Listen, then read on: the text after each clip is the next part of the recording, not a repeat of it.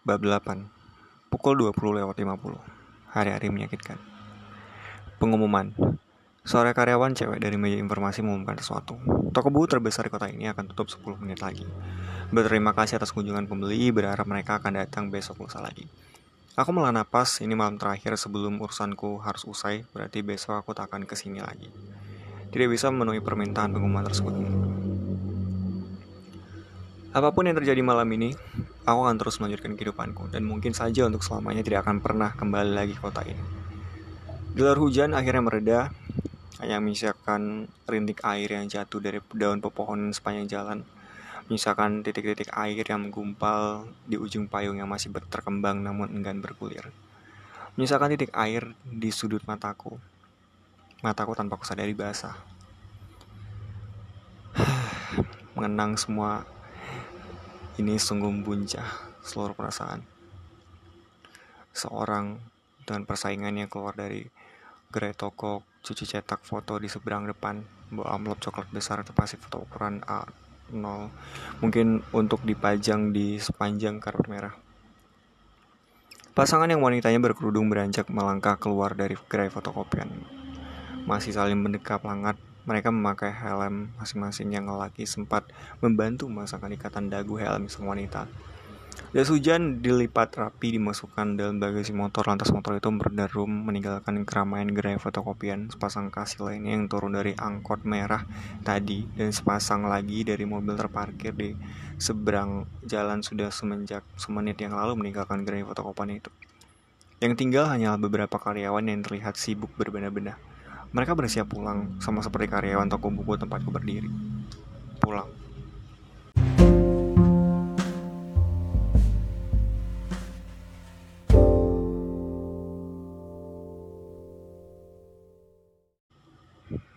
Kata pulang benar-benar menjadi penting seminggu terakhir sebelum pernikahan dia dengan Karana. Bahkan yang sama sekali tidak aku sadari bagi dia, kata itu jauh lebih penting daripada kata pernikahan itu sendiri.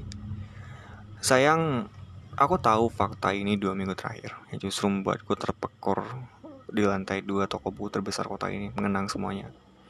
Tahukah kalian, tiap hari sebelum hari H pernikahan atau empat hari setelah dia menelponku, seorang datang ke flat sewaanku. An juga sedang di sana. An selalu menemaniku di hari-hari buruk itu. Dia memang teman yang bisa diandalkan. Seseorang itu adalah Karatna. Aku terkesima saat membuka pintu flat Karatna tersenyum lebar. Aku terbata menyalakan dia masuk karena memelukku hangat dan bersahabat layaknya teman akrab. Karena memang sudah lama menganggapku sebagai teman, bukan ada kecil lagi. Wow, kamarmu cozy sekali tanya. Karena memandang tulus seluruh ruangan terpesona, aku menyeringai tipis. Aku mengenalkannya kepada An, An tersenyum, memeluknya. An memandangku, maksudnya bertanya apakah dia masih diperlukan di sana. Tentu saja An harus tetap di sana. Aku kan sedikit pun tidak tahu karena akan bicarakan apa. Kami basa-basi jenak membicarakan perjalanannya, surprise komentarku soal kedatangannya sambil berusaha terdengar dan masang wajah semenyenangkan mungkin. Ah, dulu kau juga bikin surprise waktu pulang. Karena balas tersenyum riang, bicarakan kabar adikku, bicarakan dia, dan tibalah ke pembicaraan maha penting itu. Aku mohon, bisakah kau pulang? Karena menyentuh tanganku tersenyum. Aku terdiam, sungguh tak mampu memandang tatapan penuh harapan itu menggeleng. Karena menghela napas panjang, tersenyum, Antap diam di kursi pojok kamar. Kau tahu Tania, bagi Danar kalian adalah satu-satunya keluarga, bagian terpenting dalam hidupnya enam tahun terakhir. Kau tahu Tania, aku bahkan berjuang keras untuk bersaing mendapatkan perhatiannya dari kalian, sungguh. Karata tersenyum, aku menyeringai kecil, ikut tersenyum tipis. Aku dan Dede tahu soal satu-satunya keluarga ini. Dia sejak kecil memang tidak memiliki siapa-siapa lagi. Itulah yang menjelaskan mengapa dia selalu baik pada anak-anak. Itulah yang menjelaskan tampang menyenangkan yang dimilikinya, tahu gembira yang dimilikinya. Dia yatim piatu sejak bayi. Siapa orang tuanya pun tidak ada yang tahu. Berjuang di jalanan untuk meneruskan hidup sama seperti kami dulu mungkin lebih menyakitkan karena tidak ada yang berbaik hati membantunya. Setapak demi setapak menancapkan jejak kehidupan dan akhirnya tiba pada jalan baik tersebut sendirian. Aku tahu betapa sulitnya dia harus menjalani sekolah sambil bekerja. Nanti jika hatiku sedang baik, mungkin aku akan menceritakan bagian itu yang pasti. Semua kenangan burukku selama tiga tahun jadi anak jalanan sebenarnya ada dalam kehidupannya.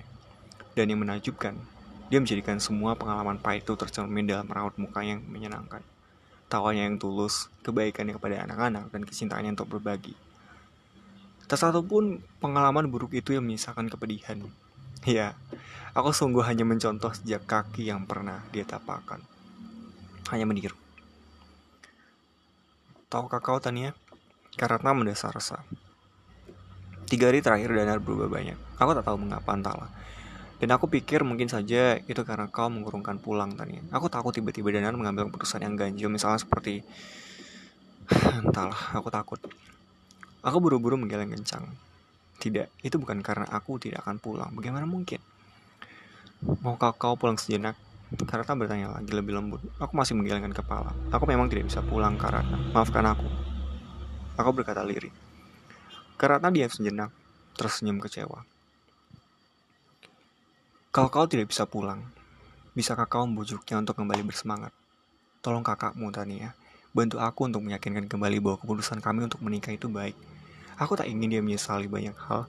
Kau tahu pria selalu punya masalah komitmen pada detik-detik terakhir sebelum pernikahan dilangsungkan. Aku takut. Karata tersenyum gelisah. Aku ikut tersenyum perih, sama sekali tidak menduga kalimatmu. Itu, membantu Karatna.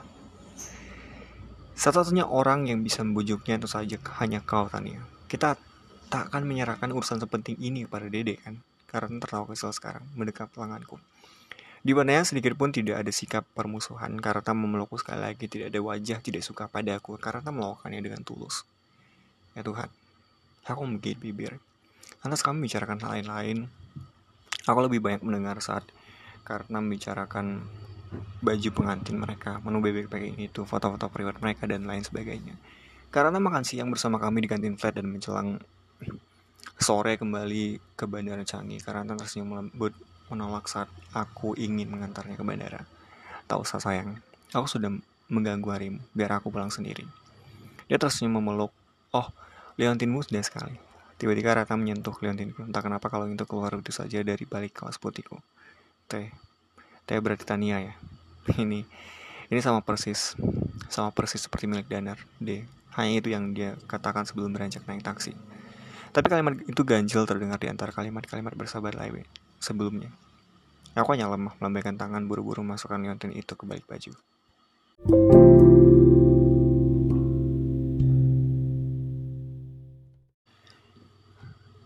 Cewek artis itu sama sekali tidak menganggapmu sebagai musuh, bahkan dia meminta bantuanmu. Anda berkata datar dalam flat beberapa menit setelah Karata pulang. Aku hanya diam karena memang tak pernah menganggap aku sebagai duri dalam daging hubungan mereka. Mungkin karena Karata belum tahu, atau lebih tepatnya yang aku tak mau mengakui. Mungkin karena memang jauh lebih dewasa dibandingkan aku dalam urusan ini. Apa yang harus aku lakukan? Aku menatap An. An menyengir kecil mengangkat bau menggeleng. Urusannya berubah menjadi rumit sekali, membantunya untuk bersemangat lagi.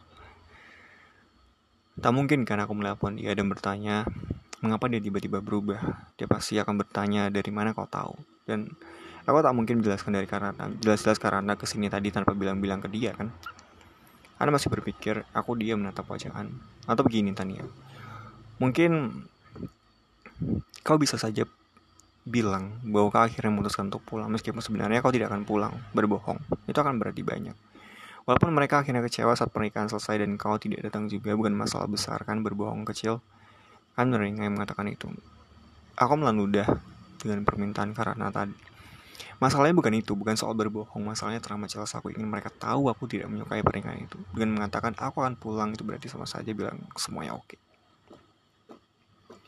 Tapi bagaimana dengan permintaan karena tadi? Apakah hatiku sudah si sudah hitam sedemikian rupa sehingga berniat membuat pernikahan itu bermasalah? Bukankah aku bukan siapa-siapa dia? Aku hanya anak kecil yang dipungut dicari dari jalanan. Diberi kehidupan yang indah, dijanjikan masa depan yang baik. Dan sekarang, lihatlah, balasan apa yang aku berikan. Merajuk tak mau pulang tanpa alasan yang jelas. Membuat mereka berpikir yang tidak-tidak, membuat mereka mencemaskan banyak hal. Tapi aku berhak melakukannya, bukan? Separuh hatiku yang lain muncul dengan gagahnya membela. Aku berhak melakukannya. Kau lupa apa yang dikatakan apa yang dikatakan An, separuh hatiku yang lain muncul membantah.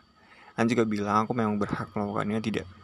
Kau hanya akan menyakiti hatimu sendiri. Lihatlah, pernikahan itu tak akan terhenti dengan tingkah tingkah kekanak-kanakanmu. Kau hanya akan membuat hatimu semakin terbeban oleh asumsi, perasaan-perasaan, keinginan-keinginan, mimpi-mimpi, dan akhirnya kau sama sekali tak Tak takut lagi mana simpul yang nyata.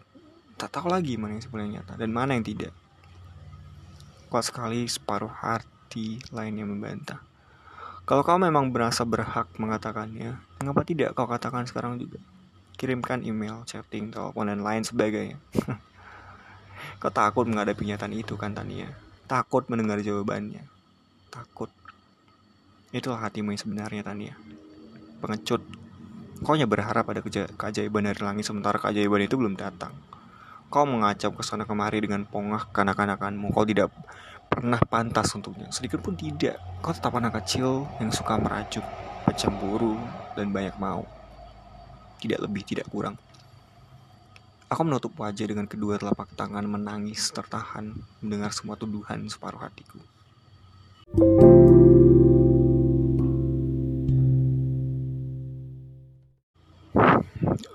Dua hari berlalu, status quo. Tak ada perubahan berarti dalam hatiku karena waktu itu aku belum memiliki semua perangai paradoks seperti sekarang. Itu berarti juga tak ada perubahan dalam sikap dan keputusanku.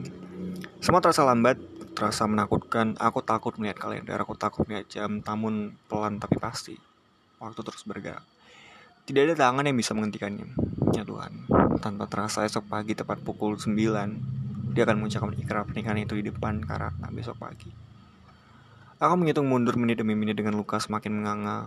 Countdown yang menyedihkan kan tidak datang sesiang ini, juga malamnya.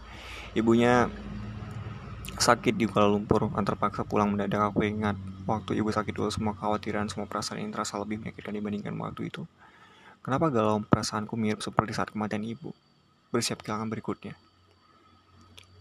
Aku tak bisa tidur malamnya, hanya duduk termangu di atas atap bangunan flat. Langit semengapura cerah, Bulan terlihat besar dari sana. Pucuk-pucuk gedung Raffles Avenue terlihat menyala. Purnama. Bintang gemintang memenuhi langit. Sama sekali. Sama seperti ketika malam pemakaman ibu. Semua kesedihan ini. Daun yang jatuh tak pernah membenci angin. Tiba-tiba aku terisak. Menangis. Maafkan aku ibu. Ini kali kedua aku menangis. Umurku 19 tahun. Seharusnya tumbuh seperti gadis-gadis biasa lainnya, bukan terjebak dalam semua perasaan yang mengungkung. Bukan justru sebaliknya, menangisi perasaan yang sedikit pun tidak pernah aku minta.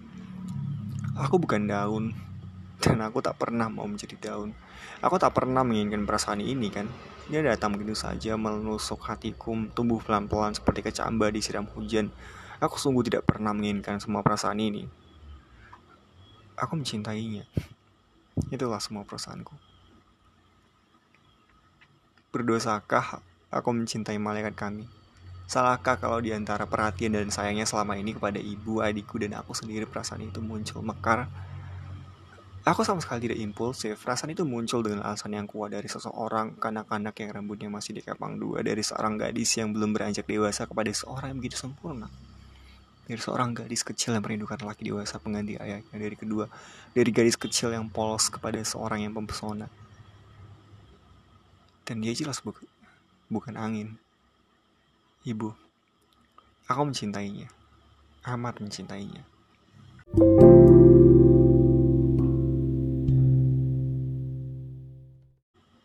Jam 5 subuh laptopku berkedip, 5 jam sebelum pernikahan dilangsungkan. Dede tak mengerti, Karata baik-baik saja. Aku melanuda melangkah lambat mendekati meja menyentuh lotus laptop dengan tangan lemah. Tanya, baik, jadi tak mengerti. Di rumah sekarang ramai, anak-anak kelas mendongeng sedang memakai gaun peri ribut berlarian. Tania, tidak ada kata yang tertuliskan, hanya enter. Dede tak mengerti. Apakah Ratna baik-baik saja? Tania, aku baik-baik saja. Dede tak mengerti. Di sini tak menyenangkan, Tania. Tidak ada lagi kata yang kutuliskan. Dede tak mengerti. Dede malas sekali berganti baju, semua terasa menyebalkan. Tania, tidak ada kata yang kutuliskan, hanya enter. Dede tak mengerti. Apakah katanya baik-baik saja? Tania, aku baik-baik saja. Dia tak mengerti. Tadi Om Danar keluar dari kamarnya dengan wajah entahlah ganjil sekali. Tania, tidak ada lagi kata yang ku, kutuliskan. Dede tak mengerti apakah Tania baik-baik saja. Tania, aku baik-baik saja, Dede. Dede tak mengerti. Adikku, sign up.